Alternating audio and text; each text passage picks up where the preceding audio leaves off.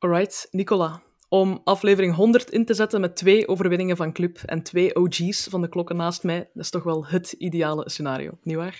Ja, en vooral, we hebben uh, in die twee wedstrijden tien goals gemaakt. Uh. Voilà. We hadden een, een scoringsprobleem en plots hebben we er tien op twee matchen gekregen. Dus ja, een, een ideaal scenario en een mooi cadeautje van club voor uh, onze honderdste aflevering, denk ik.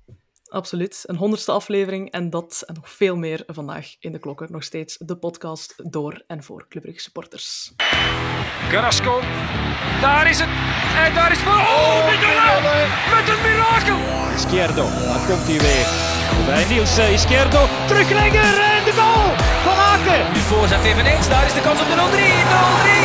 Scott Olsen. Frankie van der Elf. Het is erin. Nee, hij heeft tijd om te kijken en er eentje uit te pikken. Bijvoorbeeld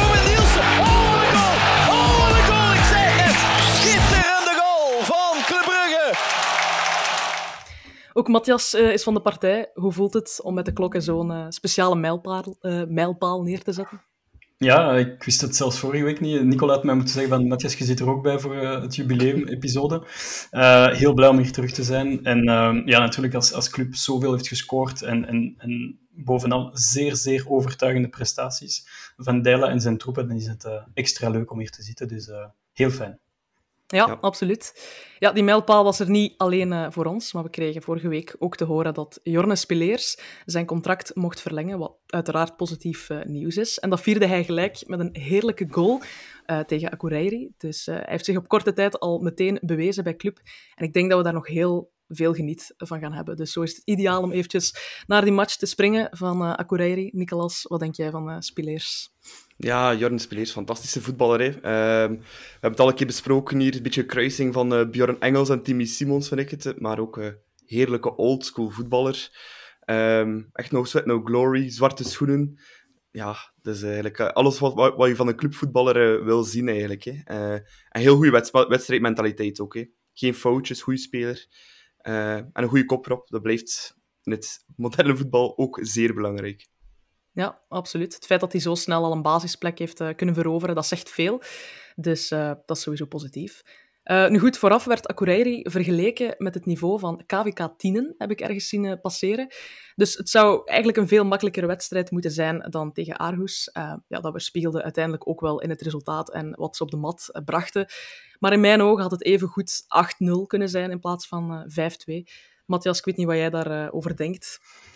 Ik kan niet zeggen dat het een uh, verplicht nummertje was, maar bon, vooraf, toen ik naar, uh, van Brussel naar Jan Bredel, Jan Breidel reed, had ik wel het gevoel van oké, we gaan hier op zijn minst, want ik zei in, mijn, in de pronostiek vorige week 3-0, maar achteraf gezien dacht ik wel van oké, ja, het gaat waarschijnlijk meer dan 3-0 zijn. En zo bleek, want vanaf minuut 1 was het een, een zeer, zeer dominant club. Um, ja, Jorgen Spileers maakt een, uh, een half wereldgoal.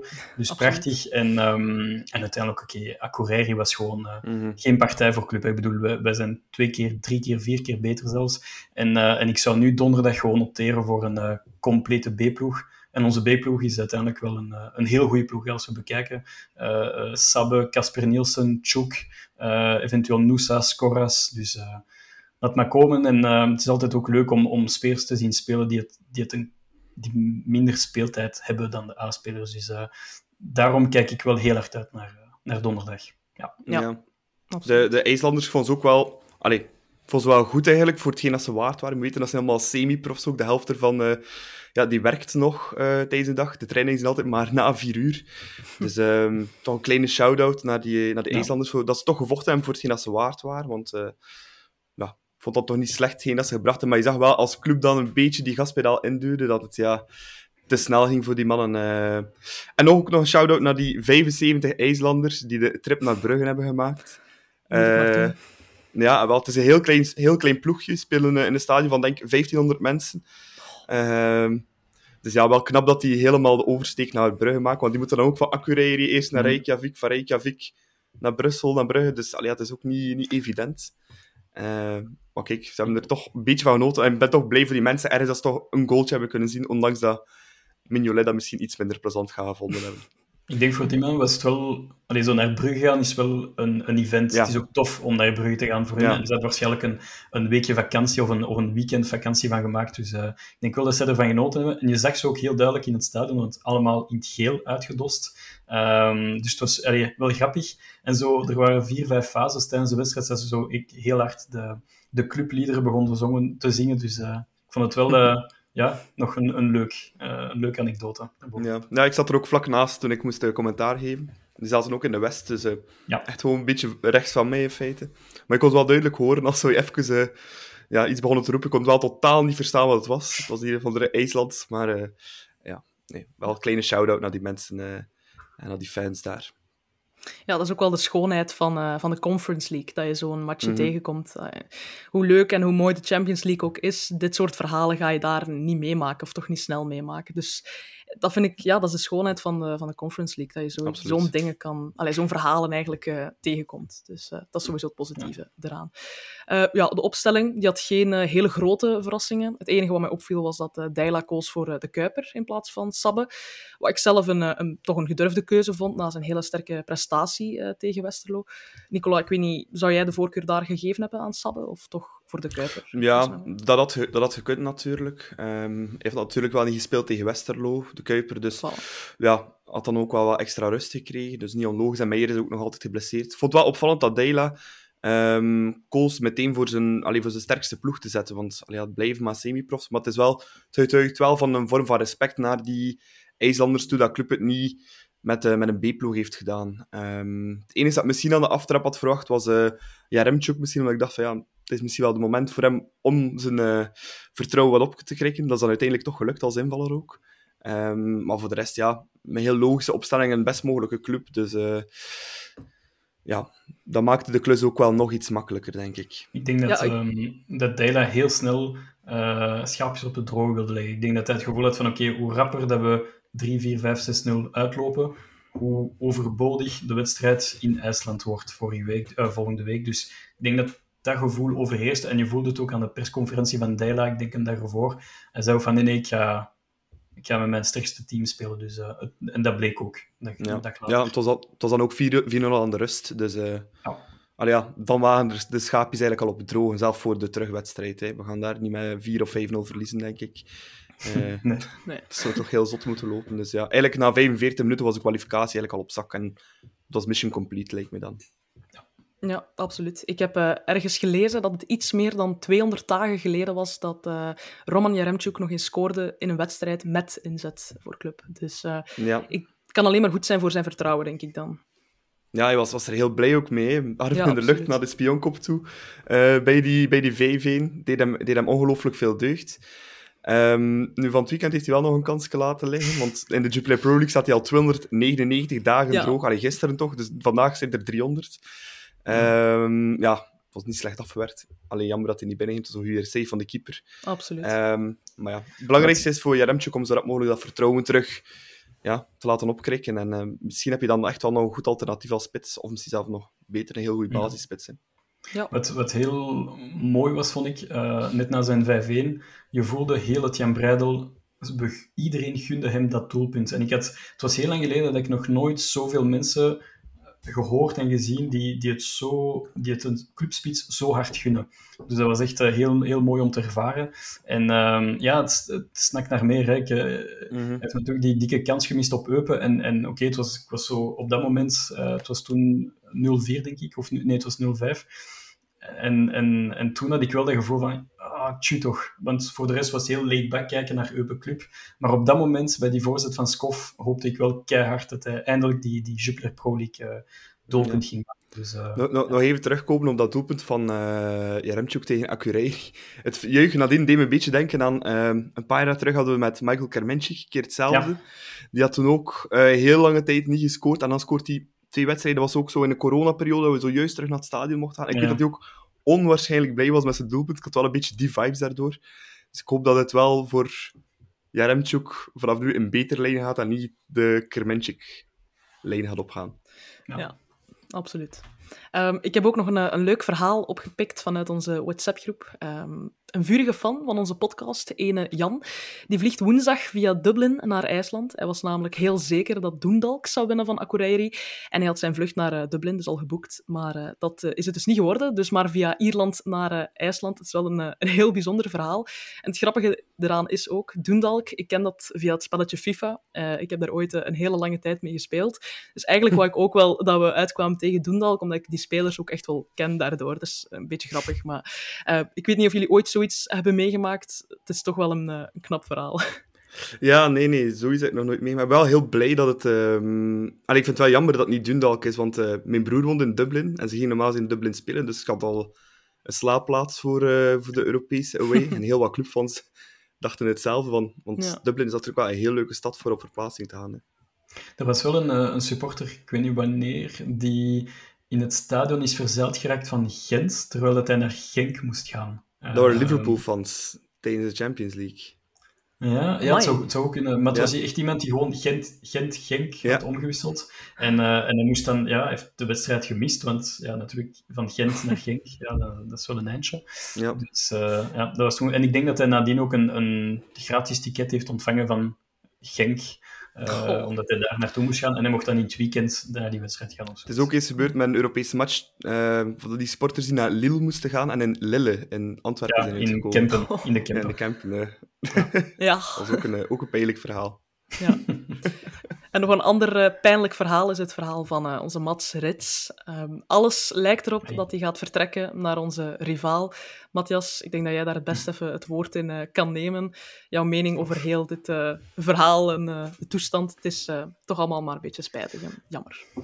Ja, het is, het is, het is jammer. Um, we hebben het al uh, wel een beetje besproken voor, uh, vorige week, maar toen was het nog helemaal niet uh, done ja. deal. Maar uh, ja, Pieter en Kalkoen van Nieuwsblad heeft een uurtje geleden getweet done deal. En het is gewoon wachten op de, de aankondiging, want het is al getekend. De medische testen zijn achter de rug. Dat was ook een dingetje. Hè? Misschien waren de medische testen van Mats niet top, want hij komt terug van een zware blessure. Dus wie weet, hè? you never know.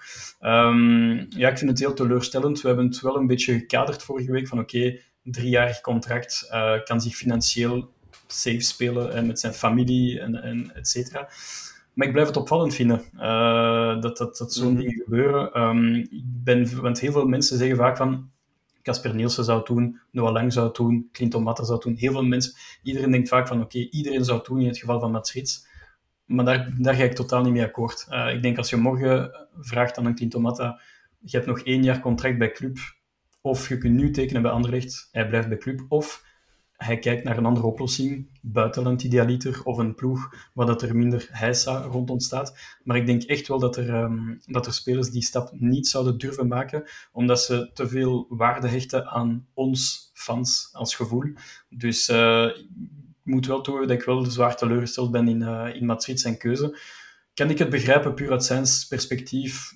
Misschien, maar ik ben een clubfan, wij zijn allemaal clubfans en dan snappen we dat gewoon niet. Dus uh, ja. voilà, heel spijtig verhaal. Ja, en er is ook wel nog iets veranderd he, met, uh, allee, ten opzichte van vorige week, want toen heb ik ook een beetje een, een lans voor hem gebroken met dat persoonlijk verhaal er ook bij te brengen. Maar toen was er wel nog geen sprake van Union die een uh, botto klaar had voor uh, Mats Rits en daar ook een mooie contractvoorstelling heeft gedaan. Dus dan heb ik wel zoiets... Ik had het gevoel dat er voor Mats heel weinig opties waren, behalve Paarswit. Um, maar als je dan de optie krijgt om naar Union te gaan, wat dat op zijn mooie ploeg is... ik kan gaan trainen op vijf kilometer van zijn deur waar dat hij woont. Uh, want die trainen in Liers, denk ik nog Lier. altijd. Ja. In Liers, ja.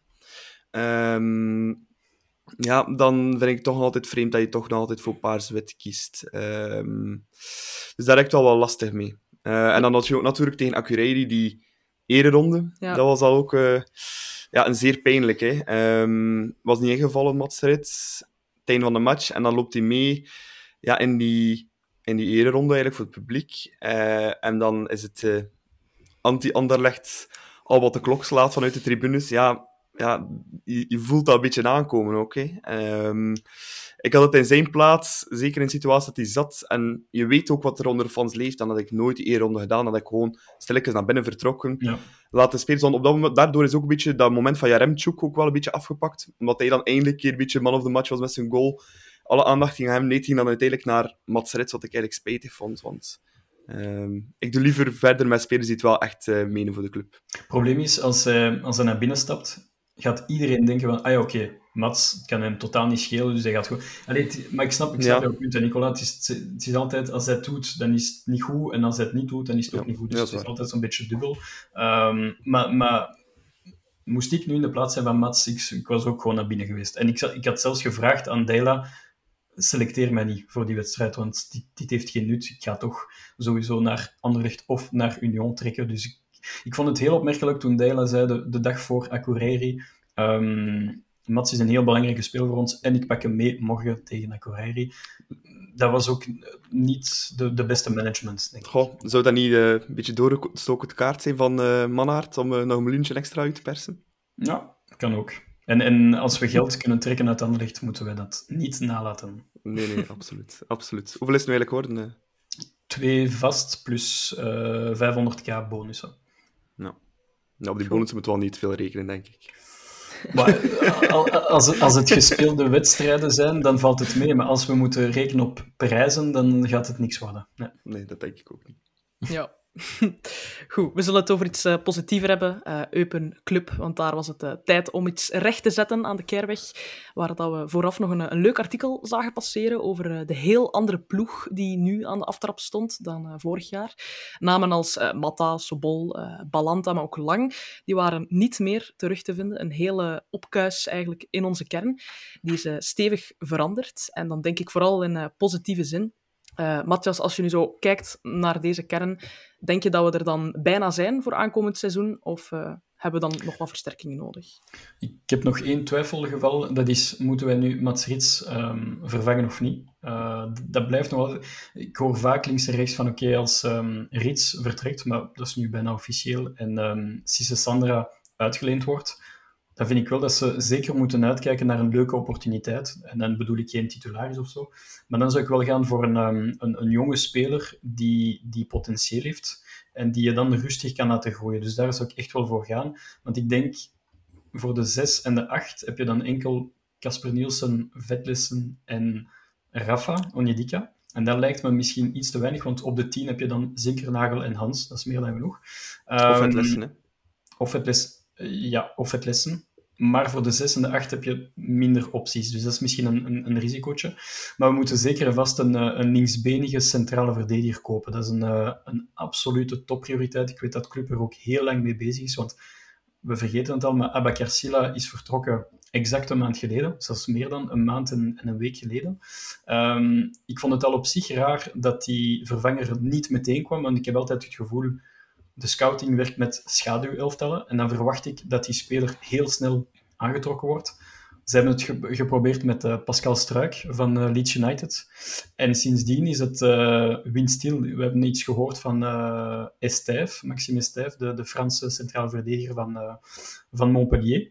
Blijkt dat dat niet, dat, dat niet klopt. hè, dat die, de Franse media dat gewoon foutieve informatie. Hij staat wel degelijk op de longlist van club, maar zeker niet op de shortlist. Maar ja, met Osasuna in het vooruitzicht zou ik eh, niet te veel talmen met een eh, nieuwe linker centrale verdediger aan te kopen. Want eh, het is eh, money time binnenkort. En ehm, oké, Mechelen Spileers doen het voortreffelijk op dit moment. Maar eh, als, als, als we gaan beginnen spelen tegen Osasuna, Gent, Genk en noem maar op, ja, dan heb je wel een, een stevige verdediger bij nodig. Dus eh, die linker centrale verdediger die moet zeer snel komen. Ja, absoluut. Ehm, twee namen die dat eruit sprongen na de match eh, tegen Eupen waren eh, Zinkernagel en eh Skofke.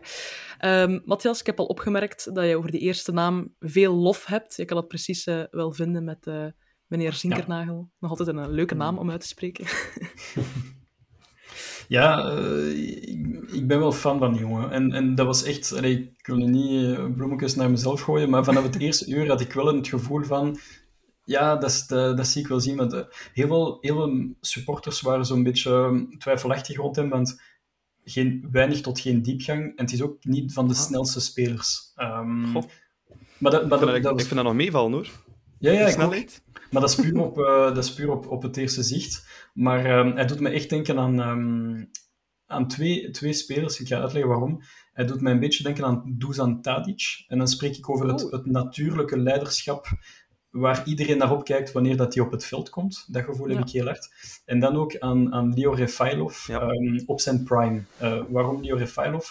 Het is een speler die centraal en op de flank kan, zoals Leo Refailov. Dat is iemand met leiderschap die de ploeg op, op sleeptouw kan nemen. En het is een speler die vals tragisch. En, en, en dat, dat gevoel heb ik heel hard met uh, Zinkernagel. Het is ook een Deen. Dat is tof voor Casper Nielsen en vooral ook voor Skofke, want alles wat Skofke blij maakt, maakt mezelf ook blij. Um, en dan zie ik die ook meer lachen en meer interviews geven, dus dat is altijd maar positief.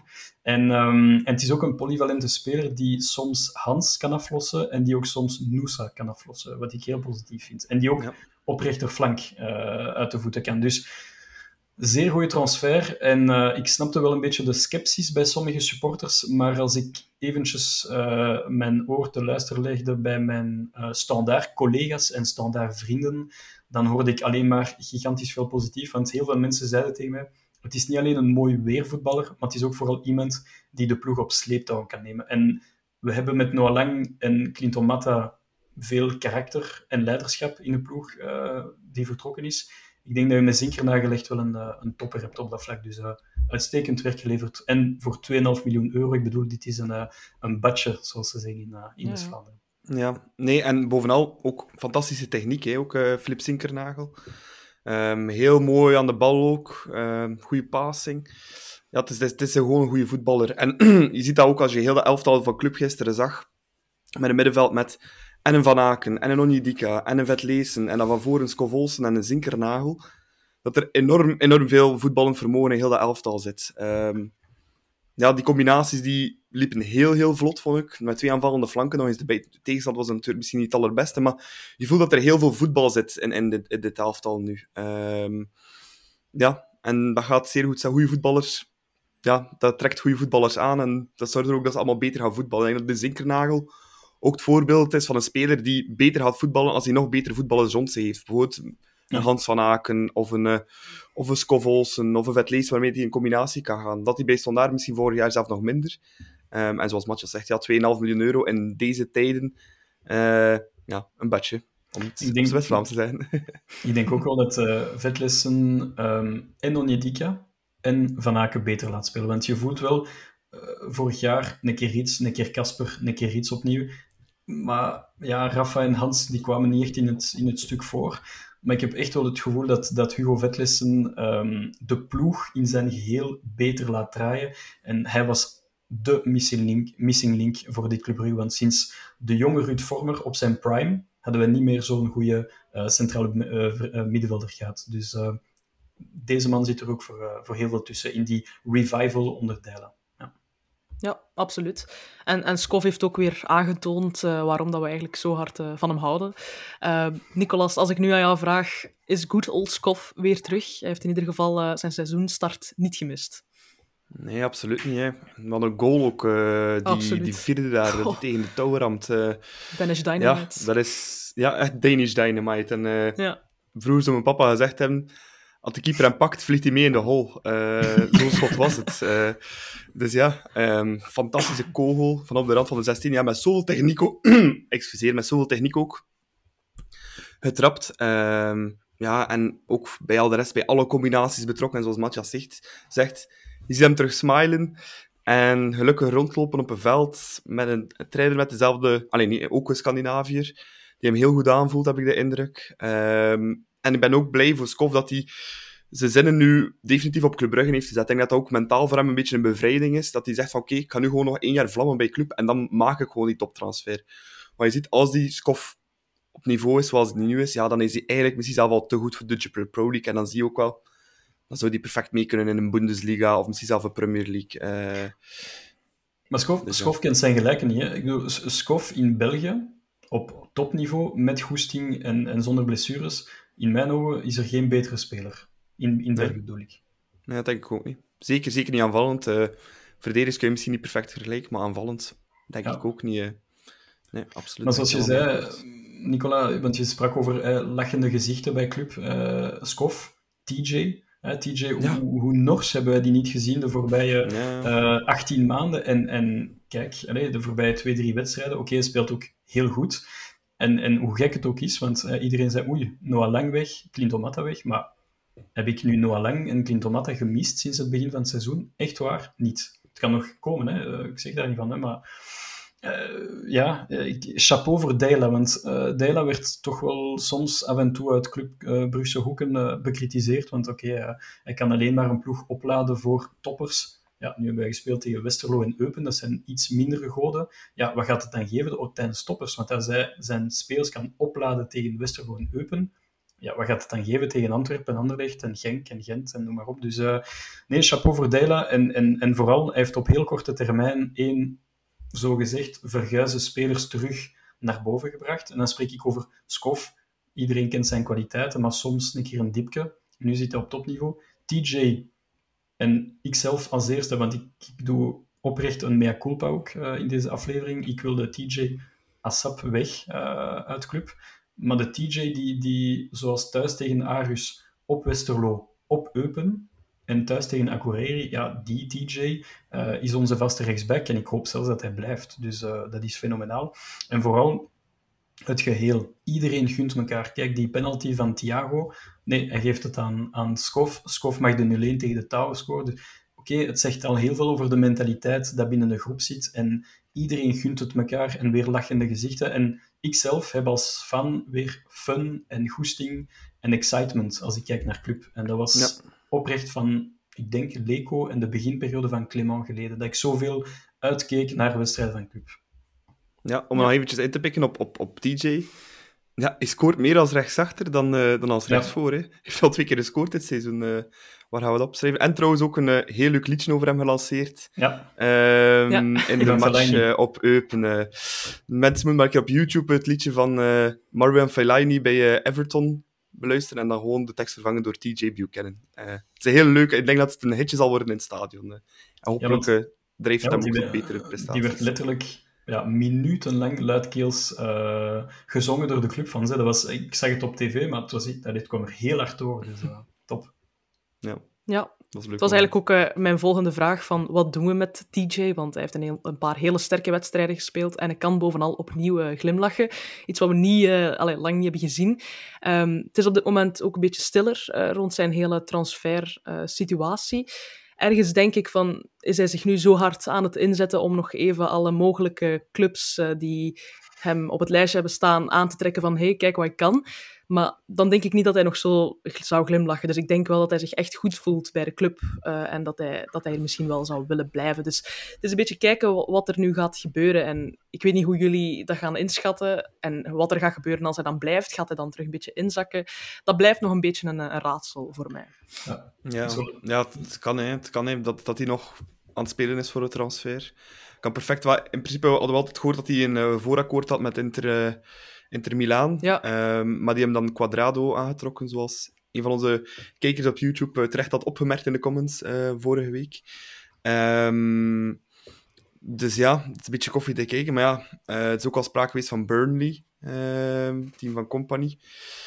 Ja, het kan, kan altijd, hè, maar hopelijk als hij hier dan zit na augustus, zien we wel nog altijd dezelfde TJ. Dat is, dat is wel het is vooral uitkijken dat um, Dumfries niet verkocht raakt. Want het is, allee, het is altijd een beetje een onbeschreven regel geweest. Ja, Als Dumfries vertrekt, dan komt TJ. Want er was een soort voorakkoord tussen TJ, Club en Inter. En vanaf dat Dumfries vertrok, ja, dan was gewoon eentje weg en dan TJ erbij. Maar nu ben ik eigenlijk stilaan aan het hopen dat hij gewoon blijft. Dus uh, ik had dat nooit gedacht een maand geleden dat ik dat ooit ging zeggen. Maar uh, want ik ben heel, heel, heel kritisch geweest tegen, ten opzichte van uh, TJ Buchanan. En ik denk nog altijd dat het terecht was uh, dat we, die, dat we zo'n kritische mening en houding hadden over hem. Maar kijk, hij is het volledig uit zich aan het voetballen. Dus hij doet het fantastisch. En, um, en we waren aan het spreken over, Nicola, over het feit dat TJ meer scoort als rechtsback en als flank. Ik denk dat in Deila zijn systeem, dat Meijer, de Kuiper, TJ en mogelijk ook Sabbe, dat ze heel veel statistieken gaan hebben dit seizoen. En het is een soort type voetbal waarbij dat de backs zodanig hoog staan en waarbij dat ze zodanig veel druk zetten, hoge pressing, dat ze heel rap aan een goal of aan een, um, of aan een assist komen. Dus ik denk wel dat we een, een, een record aan statistieken gaan zien. Toen een, beetje, toen een beetje denken aan, aan het uh, Jurgen Klopp voetbal uh, bij Liverpool, hè, waarbij dat En Alexander Arnold en Robinson ook altijd heel, heel hoge aantal goals en assists hebben op een, uh, op een seizoen. En ook met die pressing. Allee, het heeft er wel een beetje wel weg van dat soort voetbal. Uh. Ja, of uh, Tron Soljet, hè? Ja, ja, absoluut. absoluut. Met de, de Kokken van de Rijden of Cornelis, ja, die hadden ook altijd heel, heel veel cijfers. Ja. ja. klopt volledig. En, en ook misschien nog een, een leuk punt dat ik, um, dat ik genoteerd heb uh, tijdens de wedstrijd van Eupen. Vroeger als club 1-0 of 2-0 voorkwam, was het meteen achteruit oh, Altijd. En, en nu heb ik het gevoel, en dat was ook zo bij bijvoorbeeld op Westerlo, um, als club scoort, dan willen zij één ding, heel het ploeg, dat is gewoon die gaspedaal induwen. 2-0, 3-0, 4-0, 5-0. En, en, en dat, was dat, ja, dat, dat, gevoel was ik al heel lang vergeten. En, en het toont ook aan dat iedereen in die ploeg het heel graag wilt. Een assist afleveren, een doelpuntje maken. Chouk komt erin, hop, extra, extra erin. Die zegt, ja, het is, het is tof om te zien. Om, uh, vroeger als club scoorde, had ik het gevoel als van, ai, nu gaan ze weer zoals altijd achteruit leunen. Maar dat ja. doet ze gewoon niet meer. ja, de, de motor gaat niet af. Hè. Um, dat is het ehm, grootste verschil uh, op dit moment, inderdaad. Maar zeg maar ja, zo, Nicola. Ja, de, de, de, motor gaat niet af, ze blijven gaan. Hè. Voor 4, 5, 6. Als je ziet wordt dat ja, Remtjuk vloekt dat hij die zesde ja. niet maakt. Of dat zelf de Kuiper daar op het einde met zijn kopbal er nog heel dichtbij was. Uh, hoe hard dat er gepusht wordt voor toch nog een extra goal te maken. Ja, dat is een dag en nacht verschil uh, met het club van de afgelopen twee, drie, vier jaar misschien zelf. Ja. Um, dat hebben we inderdaad al heel lange tijd niet meer gezien. En nou, I love it. Hè. Het, is, uh, het is fantastisch om naar te kijken. En en de fans worden er ook direct warm van. Je voelt dan ook direct dat die synergie tussen spelers en fans in de tribunes ook ja, een pak beter wordt. Uh, dus als dit voetbal zich voortzet, dan gaan we nog heel leuke middagen en avonden Jan Breidel en op verplaatsing meemaken. Wat denken jullie als, um, als Jutgla terugkomt? Wat dat er gaat, allee, Thiago is natuurlijk eerste spits, maar ja. gaat Dela de voorkeur geven aan een Jutgla eerder of toch aan Chuk? Dus, ik denk dat Thiago misschien wel zijn eerste man zal blijven. Zo, want ja, het ding is, die zorgt wel voor, voor enorm veel druk. Die loopt enorm veel. Misschien niet de, de meest fijne spits of de meest uh, ja, scorende type. Maar het is iemand die enorm weegt op een verdediging. Duels aan kan, kan er lange bal op spelen, kan een bal bijhouden wel. Um, ik kan het meer ehm, over, voor mij is Thiago sowieso eerste spits. Maar ik ben, ik ben heel nieuwsgierig naar wie wordt de vaste tweede spits van Dela in de kern. Want mm. het, is, het is bijna geen koffie te kijken, hè. Ik denk dat hij, die, hij gaat die enorm laten concurreren met elkaar, denk ik. Dat is ook het beste eruit halen uit die spitsen. Maar ik denk dat hij misschien op het begin nog het voordeel zal geven aan Jutgla. En als die niet kan presteren, ja, gewoon de hele tijd invallen en dan een keer met een andere starten en dan uiteindelijk zien wie dat er het beste uitkomt. Maar het is inderdaad een beetje afwachten. Maar ik heb nog altijd op dit moment liever een, een Jutgla dan een Jaremchuk. Persoonlijk. Ja. Nou, kan ik wel ergens, uh, ergens begrijpen, natuurlijk. Uh, ja. is denk ik meer klinisch voor de goal. En, en dat is belangrijk, want in, in zo'n soort voetbal met en Zinkernagel, en Van Aken, en Vetlessen, en, en Skof en iedereen, dan heb je ook een, een spits nodig die misschien niet per se um, een, een all-round spits, maar die, die wel die bal kan binnentikken of binnenkoppen. Bijvoorbeeld die, die kans van Chuk helemaal op het einde. Ik heb, ik heb wel een beetje gevloekt, want die moest gewoon binnen. Oké, het was wel een wereldsave achteraf van Slonina, maar eigenlijk mag Slonina geen kans maken op die kopkans van Chuk. Dus ik vond het wel spijtig dat hij, ja, dat hij die 6-0 niet heeft gemaakt. En, um, en ik had wel het gevoel dat zo'n Judla die wel had gemaakt. Oh. Ja. ja, dat is misschien iets klinischer op dat vlak, dat klopt. Ja. ja. Wat ik ook uh, merkte vanuit mijn uh, zetel, was uh, de heerlijke sfeer in het uitvak. Ik kan helaas niet vaak op verplaatsing mee, wat ik heel jammer vind. Maar ik moet zeggen, vanuit mijn woonkamer heb ik, heb ik de sfeer echt wel meegevoeld. En ik zag echt wel het verschil. Um, de gezangen hebben de spelers echt wel goed gedaan. Dat, dat heb ik duidelijk gehoord en gezien. Ik denk dat dat wel iets is dat we moeten doorzetten als fans, om die, de spelers echt wel te motiveren. Iets wat ook echt wel veranderd is ten opzichte van vorig seizoen. Uh, meer dat de anti-voetbal, dat is nu echt wel een beetje weer gekanteld, heb ik het uh, gevoel. Ja. ja, ik was voor de gelegenheid een keer mee geweest. Uh, op verplaatsing naar, naar Eupen. Het was een hele belevenis voor mij, want in de competitie ben ik nog niet vaak mee geweest. Allee, bij de uitfans wel, vaak wel eens in de thuisvakken gezeten. Maar deze keer was met de bus van de locals uit Brugge. Dus een kleine shout-out naar hen ook dat ik ben mee kunnen reizen met hen. Het was een heel leuke dag. Heel lang onderweg. Drie uur en een half van, van Brugge naar, uh, naar Eupen. we zijn om kwart na twaalf vertrokken uit Brugge en om tien uur s'avonds waren we terug. Dus uh, het was een lange dag, maar het was wel ja, alle Te elementen zaten, eh, zaten mooi mee. Hè. Eh, prachtig weer. Ja, ambiance op de bus. eh, en een ja, fantastisch club. en wat ik wel heel leuk vind voor te zien, is ehm, dat we terug al die eh, spelersongs aan het oppikken zijn. Hè. Dat doet me echt denken aan de tijden in, in de, van uh, Soljet. En al een liedje voor Vet lezen, eentje voor Brenda Mechelen die erbij gekomen is. Zinkernagel heeft er nu een. Eh, en vooral heel veel positive support. Ehm, vroeger was nogal veel anti-gezangen en anti-Buffalo en anti-Anderlecht en weet ik veel wat allemaal. Maar uh, het is echt een positieve vibe, ook onder de supporters. En ongelooflijk veel sfeer. Uh, ik denk dat er een goede duizend man naar Eupen was afgezakt. Uh, wat toch voor in België de vers mogelijke verplaatsing is, denk ik. Brugge-Eupen. Ik denk niet dat je nog verder kan gaan.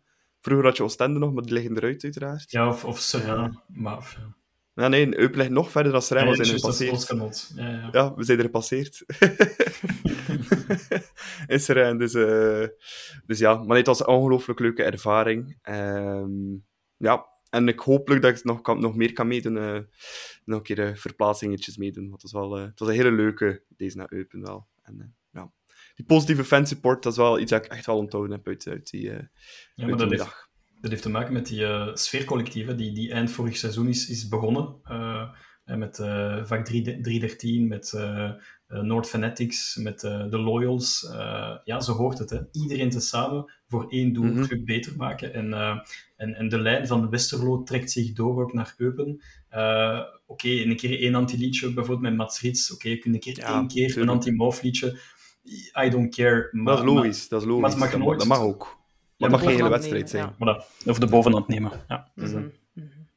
Ja, eh, wat mij ook opviel, na de wedstrijd had de coach eh, van Eupen, Kofeld, eh, heel veel lof over de prestatie van club. Dat is iets wat ik niet vaak zie en ik vond het ook best wel bijzonder. Eh, Matthias, wat vind je daarvan dat, dat, dat coaches dat doen? Het is, eh, ik vond het een heel mooi gebaar van de coach van Eupen, want ik heb, ook al is hij nog jong, hij heeft al een, een, een palmaresje opgebouwd.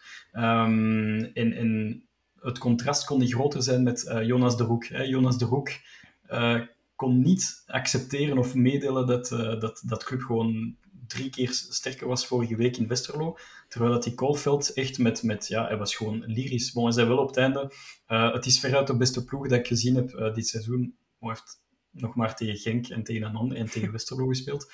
Maar ja, het zegt wel iets. En, en ik zou als beginnende coach ook onder de indruk zijn van club. Ik bedoel, club, gisteren was gewoon een, een totaalprestatie en heel veel mensen zeggen van, het was maar tegen Eupen. Ja, maar Eupen had wel voilà. gewonnen op Genk. Ze hadden uh, net niet gewonnen thuis tegen Westerlo. Dus uh, Eupen was wel op een goede flow en wij hebben ze gewoon van minuut 1 tot 90 afgemaakt, kapot gespeeld. Dus uh, het zegt wel iets en uh, ik hoop gewoon dat we op dat dan verder gaan en dat er nog heel veel coaches uh, dat gaan zeggen. En wie weet, misschien van een Mark van Bobbel of van een Wouter Franke, die vinden dat club gewoon niet bespeelbaar zijn. Dat zou een, het schoonste compliment zijn, denk ik, voor ons. Ja, absoluut. Mm -hmm. um, Nicola had het daarnet ook al even meegegeven, maar uh, het is nog een leuk feitje om Eupen Club mee af te sluiten. Maar het klopt, de club heeft dus nu tien doelpunten in één week gescoord. Dat is iets uh, wat we al heel lang niet meer konden zeggen. Dus dat is ook alleen maar uh, positief, denk ik dan. Um, ja, dat is, dat is gewoon goed. dat is alleen maar fijn. Um, Nicola, dan ga ik je de microfoon ja, figuurlijk gezien aan jou doorgeven. Um, want het is tijd voor onze nieuwe rubriek. Hoe is het nog met? En uh, deze is deze week voor jou. Dus ik zou zeggen, take it, uh, take it away. Ja, wel met uh, dat we midden in de duels zijn met onze IJslandse vrienden van Akureyri, dacht ik dat het wel eens leuk was om nog een keer een speler boven te halen. Een IJslander, de enigste IJslander die ooit in uh, blauw-zwart heeft gespeeld. Blauw-zwart in België dan toch. Um, ja, en dat is ook niet zomaar iemand. Is denk ik ook een van de spelers die van de strafste palmaressen ooit heeft en daarmee is toegekomen bij club. Het gaat over uh, niemand minder dan Eidur Gudjonsson, die uh, anderhalf seizoen bij ons speelde. Gudjonsson heeft onder andere, ja, voor hij bij club speelde, jeugd gemaakt bij PSV Eindhoven. Is dan doorgebroken in de Premier League bij Bolton Wanderers. Daarna heel veel jaar, een jaar of zes bij Chelsea gespeeld, waar hij met, samen met Mourinho twee keer kampioen werd. Dat waren toen de eerste titels van het nieuwe Chelsea dan naar FC Barcelona verhuisde, waar hij dan in zijn eerste seizoen ook de Champions League won. Onder andere met teammaats als eh, Ronaldinho, Lionel Messi en eh, Mark van Bommel, om er zo maar eentje te noemen. Eh, daarna nog bij Monaco, Tottenham, Stoke gezeten. En dan plots zat hij ehm, ja, een beetje al in de herfst van zijn carrière. En eh, zat hij bij AEK Athene. Hij had daar een contract, maar eh, die club was in enorme moeilijkheden. En ehm zijn dan samen het contract gaan ontbinden. En dan plots kwam Eidur Johnson terecht. Niet bij club, maar wel bij Cerkelbrugge. Ja, en dat was ergens rond oktober. Heeft daar uiteindelijk maar eh 13 matchen gespeeld, maar was fenomenaal goed. Scoorde daarin ook zes goals. Waaronder eh, helaas ook eentje in de beker van België tegen Club. Eh, mooie goal trouwens. Eh, en Cerkel won die match met 0-1, waardoor Club uit de beker lag. En, maar dat zijn de Vincent Manhart en co. niet echt al te veel, dus wat deden ze? Good Johnson naar Club halen, eh, tot eh, ergernis van eh, alle groen-zwarte fans. Ik herinner me nog altijd één meme met het gezicht van eh, Vincent Manhart erop, met uh, Good Johnson arm met Eidur zelf nog hoesten in. Cirkel. Eh, dat is eentje die me altijd zal bijblijven. Eh nee, Good Johnson heeft anderhalf jaar bij club gespeeld. Heeft in eh 46 matchen, eh 7 goals en eh 3 assists gelukt. Ehm, waaronder ook een goal in de Brugse derby. Nota bene op cirkel. Ehm, we winnen die match met eh 0-3, maar Johnson eh, valt in en scoort dan de beslissende 0-2 in feite. Kreeg daar een giga fluitconcert van alles en iedereen van eh, dat groen-zwart was. Ehm, in vierde zijn doelpunt wel niet, maar ik denk in zijn eigen dat hij wel content was dat hij hem binnen had getikt.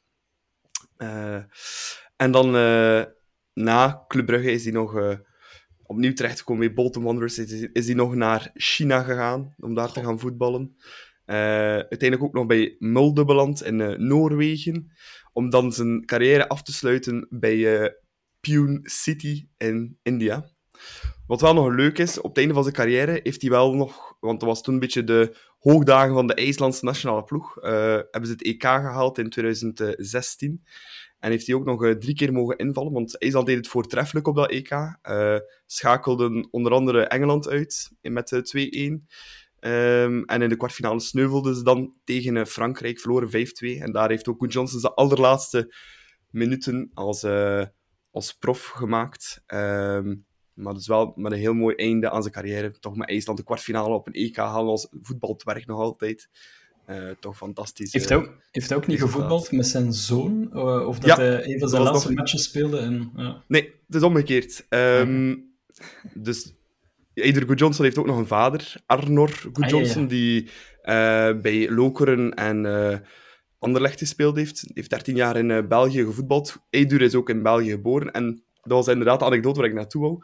Ehm Good Johnson, Arnor Good Johnson en Eidur Good Johnson zijn de, enigste, of de eerste vader en zoon die ooit samen in Interland hebben gespeeld. Het enige jammere is ehm, dat eh Eidur is ingevallen voor zijn vader. Dus ze hebben wel in dezelfde wedstrijd gespeeld, maar nooit op hetzelfde moment. Ze wouden dat eigenlijk voor een ander moment houden, maar eh, het noodlot, lo- noodlot eh, brak toe en eh Eidur brak zijn been. En tegen dat hij genezen was, was vader Arnor al op voetbalpensioen. Dus ze hebben nooit samen op een veld gestaan, wel samen in dezelfde wedstrijd gespeeld. vader en zoon. Good Johnson. Hebben Good Johnson en Haaland samengespeeld bij Molde? Ik ben even aan het kijken hè, hoe dat, dat, dat Het was in 2016, het kan. Het kan Ah nee, het was net zo. niet, want, want eh, Haaland is begonnen in 2017 bij Molde. Ja. En hij is daarna, eh Eidur Good Johnson, ook nog trainer geworden. Eh, bij, eerst bij de U21 van IJsland. En was daar assistent onder... Ar eh, Arnar Vidarsson. Ja, helemaal juist. Arnar Vidasson, goede maat van eh Good Johnson. En Arnar Vidasson was ook zijn trainer bij eh Cercle Brugge, eh, toen hij daar speelde. Ehm, hij heeft dan verder ook nog een ploeg getraind. FM noemde het, afgekort, maar lang uitgesproken is het Fimlei Velach Hafnar Jaroord Janodar. Het is echt zo een onmogelijke IJslandse naam om uit te spreken. Ehm, maar daar heeft hij nog trainer geweest. En is dan nog ook assistent geweest bij eh, IJsland, bij de, bij de eerste ploeg. Eh, en nu is hij eigenlijk op eh, pensioen. Ik heb nog een paar leuke weetjes genoteerd. Hij heeft in van zijn carrière ook nog een keer een gokprobleem gehad, waarin hij 400.000 euro in een casino op één avond erdoor heeft gejaagd. Ehm, en zijn zoon is ook profvoetballer nu. Sven Arnor Gudjonsson, en die speelt in Zweden. Uh, is profvoetballer. Heeft ook nog twee andere zoons en een dochter. Um, en had ik dan nog een leuk weetje? Nee, dat was het ongeveer voor uh, Eider Gudjonsson. Um, maar als ik nog één momentje eruit mag pikken van Good Johnson. ben nog een keer door uh, Nico zijn fantastische FCB-tube-website gegaan. En uh, toen kwam ik terug op uh, Club Brugge, nee, op standaard Club Brugge in de playoffs um, van het eerste jaar dat hij bij Club zat. Club wint die match met 2-4. Met onder andere een wereldassist van Good Johnson op Victor Vasquez. Ja. Wipt hem op met de buitenkant van de voet en Vasquez die hem over de doelman loopt. Over Kawashima was het denk ik nog. echt een wereldgoal. En nou, dat toonde ook wel een beetje goed Johnson bij club. Ja, lopen kon hij niet meer. Uh, als hij op FIFA stats had gehad voor uh, te lopen, was dat misschien nog 20 geweest of zo op 100. Maar had wel ongelooflijke techniek. Uh, en heel veel ervaring, heel veel metier. Dat was al een leuke. dus ja, dat Johnson. ik herinner me vooral zijn goal um, op Loker in de playoffs. Dat was toen met uh, Meunier, Sobota. Ja. Um, en, en we waren 1-0 in, in Krijt tegen Lokeren. En hij, hij komt erop, geloof ik. Ja, ja, hij kwam erop in de plaats van uh, Castillo, samen met De Sutter. Dus we waren in de spits samen, dus uh, Good Johnson en, en De Sutter. En hij krijgt een onmogelijke bal van Sobota aangespeeld. En hij hij legt die pan klaar voor zijn rechtervoet en hij, hij, jast die bal voorbij, um, voorbij Coppa, was het geloof ik. En dan nog uh, later um, 1-2 de Sutter en 1-3 Sobota helemaal op het eind. Maar die, ja, dat was typisch Good Johnson, hè, zo klasse. En oké, okay, hij, was, ja. hij was super traag, maar hij was zodanig loopzuiver uh, qua schoten en qua, qua passing, dat hij, dat hij het zo kon herstellen. Dus ik vond het echt een van de een heel korte periode, maar wel een, wel een cultspeler van vind ik wel. Ja, heel leuke voetballer ook. Ja. En hij spreekt ook Nederlands, want hij is in, ja. is in België opgegroeid. Uh, en dan zelf ook zijn jeugd bij PSV gespeeld, dus hij spreekt ook redelijk goed Nederlands, uh, Good Johnson. Dus als je hem tegenkomt, kan je hem gewoon het Nederlands aanspreken. Ja, en hij, en hij zat in een ploeg bij Barcelona met Yaya Touré, Messi, Henry, uh, Iniesta. Ja, dat was, dat was net voor de, de echte prime-prime periode van Barcelona. Uh, maar ze waren ja. toen wel al heel goed. Op dat moment. Wel, hij, is, hij is er wel nog mee geweest, want hij heeft er tot 2009 gespeeld, zonder ja. Guardiola. Heeft hij dan, en ik heb trouwens een fout gemaakt. Het was niet zijn eerste jaar bij Barcelona dat hij de Champions League won. Het was in zijn laatste jaar bij Barcelona, in 2009. Ja. Oh ja. um, dat hij uh, hem gewonnen had. Ik denk dat toen finale tegen Manchester United was. Ja. Uh, met, met een hangtime kobbel van Lionel Messi. Ja, 0-2. Ja. Goed. Voilà. Ja, mooi verhaal. Adrian Johnson. Ja, fantastische voetballer ook gewoon. ja, ik heb er persoonlijk uh, nog nooit... Allee, ik had nog nooit van gehoord. Hè. Ik ben nog niet uh, zo lang uh, bezig met de club. Als hij nog niet tot zover in de geschiedenis. Maar kijk, fijn om daar op deze manier eens kennis mee te maken. Dus alleen maar positief. Um, dan is het tijd om met onze andere rubriek aan de slag te gaan. Onze stelling van de week. Um, en ik heb eigenlijk heel veel uh, stellingen gezien die een beetje over uh, hetzelfde uh, aspect gingen. Of het was over onze kern of over TJ Buchanan, de situatie van TJ. En eigenlijk hebben we beide kwesties al behandeld. ik had oorspronkelijk een stelling van Heineman Thomas eruit geplukt. Die vroeg, is onze type ploeg buiten een nieuwe centrale verdediger nu gekend? Maar eigenlijk hebben we daar al een antwoord op. Dus ik ben nog eens uh, snel in uh, de Instagram-antwoorden gedoken. En ik heb daar een Nico van Halen gevonden. En uh, die vroeg, hoe groot is het aandeel van Deila in de recente resultaten? En ja, ik denk dat het ja. antwoord daar redelijk duidelijk op is. Maar ik zou zeggen, Matthias, Nicola, take it away.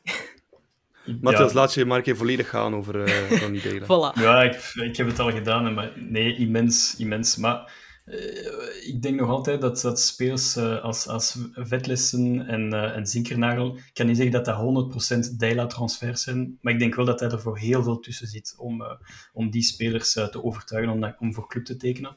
Um, wat ik vooral noteer bij Deila, en, en we zullen het zien op de, op de middellange en lange termijn, dat is die, die cohesie en die hechte band tussen de staf, de spelers en de fans. En, en het was heel flauw de voorbije twee, drie jaar op club, uh, zowel in tribunes als daarnaast, als op het veld.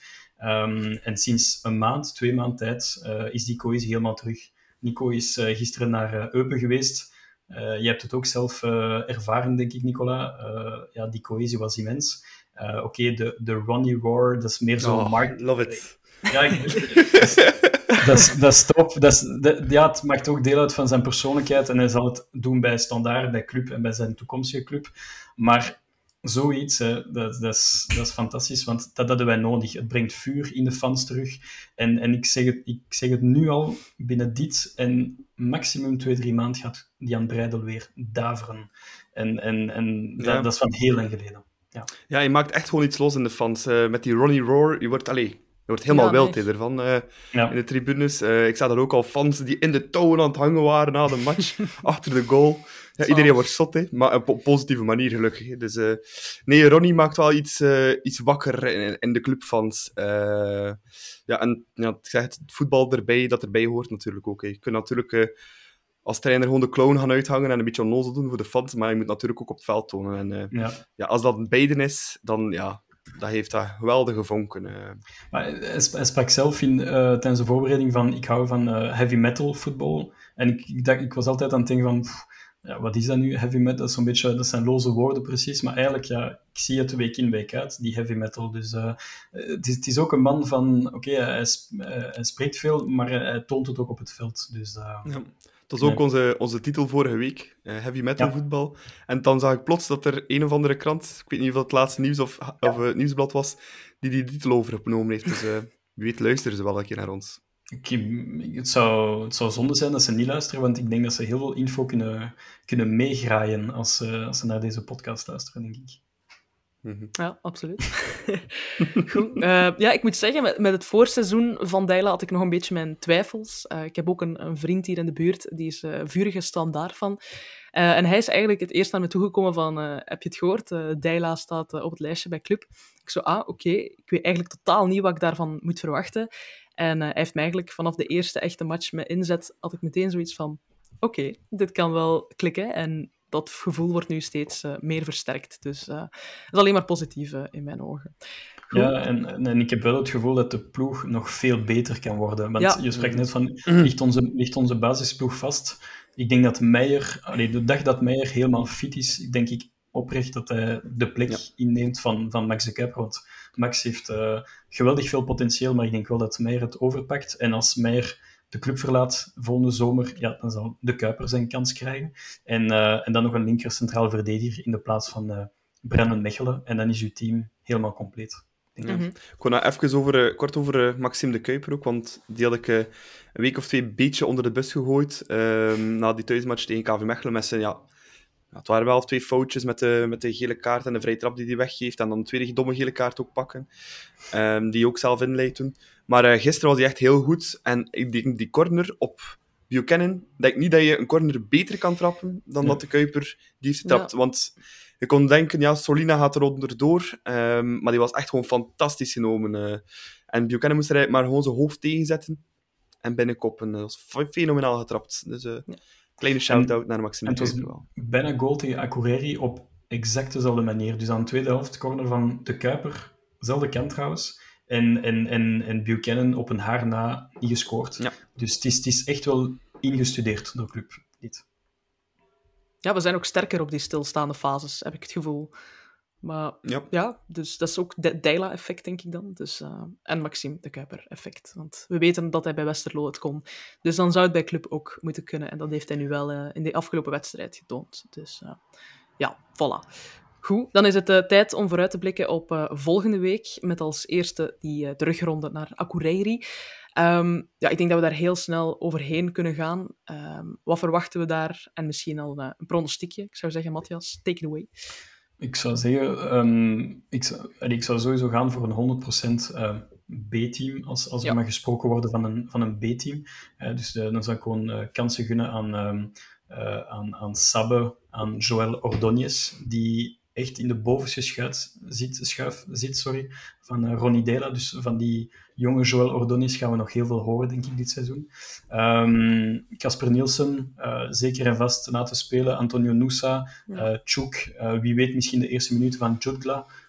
Skoras moet zeker eh, 90 minuten spelen, want die werd een heel klein beetje aan de kant gelaten de voorbije wedstrijden. Er zijn heel veel spelers die, die, ja, die, die hun kansen mogen krijgen en die vooral hun kansen moeten grijpen. hè. Want bij Dela is het heel simpel. Hij werd graag vanuit een, een basisploeg. En als je het niet toont op training nog tijdens de invalbeurten, dan forget it. Dus het is, het is echt tijd om, eh, om die zogezegde B-spelers dat ze zich tonen. En als ik een pronostiekje mag geven, dan zou ik gaan voor een, eh, een 1-3 uitoverwinning. Ja. Ja. Alright. Nicola? Ehm, ja, ik ga voor een 0-3 gaan ook. Ehm verwachten dat wel ja, die IJslanders thuis wel iets gaan willen tonen. Ehm, het is, ja, maar wel B-elftal van club ook. Dus ja, ik verwacht niet al te veel problemen. 0-3. Eh, en op naar de volgende ronde op naar Osasuna, zou ik dan zeggen. eh. Ja. Ik zou ook als supporter niet te veel waarde aan die match hechten. eh zelf al Ja. is het misschien een keer minder, zoals op Haarhus. De kwalificatie is binnen, hè, jongens. Ehm, we gaan daar niet met 4 of 5-0 verliezen. Zelfs zouden we daar 1-0 verliezen, wat echt ja, geen goed resultaat zijn, tel er niet te zwaar aan. Het is ook maar een terugmatch die eigenlijk al volledig gespeeld is. Ja, absoluut. Ik was zelf eh, voor een 0-2 gaan met een goal van Tjoek. Ik heb er vertrouwen in. dus eh voilà. Eh, en dan Club RWDM, een match waar ik persoonlijk echt wel naar uitkijk. Want ik ben altijd wel fan van de promovendus. Ik vind het altijd leuk om die een beetje in de gaten te houden. Eh, en om het even mee te geven, RWDM eh, is goed begonnen aan het seizoen. Ehm, niet zo goed tegen Genk, maar eigenlijk was dat een vertekend beeld. Want offensief speelden ze echt wel sterk tegen Genk. Zijn daar met 0-4 uiteindelijk nog onder de boot gegaan, maar hebben wel overwinningen gepakt tegen Leuven en KV Mechelen. Ehm, Mechelen. Ja, Mechelen. Voilà. Dus eh, die starten met een 6 op 9 aan het seizoen. Ehm, dus ik denk dat we ze zeker niet eh, mogen onderschatten. Ehm, dus ja, verwachtingen daarvoor. Ik zou zeggen, Ja. let's go. Ja, nee, ehm RWDM een beetje een heel vreemde ploeg. Hè. Iedereen had ze vooraf aan het seizoen eh, opgeschreven als degradatiekandidaat nummer 1. Surtout omdat ze een eh, trainer buiten gesmeerd hebben, technisch directeur buiten. Allee, heel die club stond eigenlijk op zijn kop Mhm. op het moment dat de competitie moest starten. Dus iedereen dacht van ja, zo'n zootje ongeregeld, eh, dat zal heel lastig worden. Zeker als promovendus na zoveel jaar terug eh, in eerste klasse. Ehm, maar ja, het is, een gevaarlijke klant. Ehm, en de afgelopen jaren hebben we wel duidelijk gemaakt dat de club ook tegen de kleintjes soms thuis eh, een keer punten durft laten liggen. Dus laat ons hopen dat we net als op Eupen snel op voorsprong kunnen komen, snel die 1-0 maken. En dan denk ik niet dat we nog echt veel in de problemen komen. Maar als je net als tegen KV Mechelen dat een dom doelpunt slikt, of een vermijdbaar doelpunt, ja, dan breng je jezelf een beetje in de problemen. Het is natuurlijk een huizenhoog, huizenhoog cliché. Ehm, maar ja, ik denk dat die eerste goal snel maken een belangrijke is. En als dat gebeurt, dan verwacht ik een ehm 4-1 overwinning tegen ehm RWDM Molenbeek. Oké, Matthias? Het is eh, vooral opletten eh, met twee spelers van RWDM, namelijk eh, El Ouadi. Dat is een, ehm, een, een rechtsback, wingback.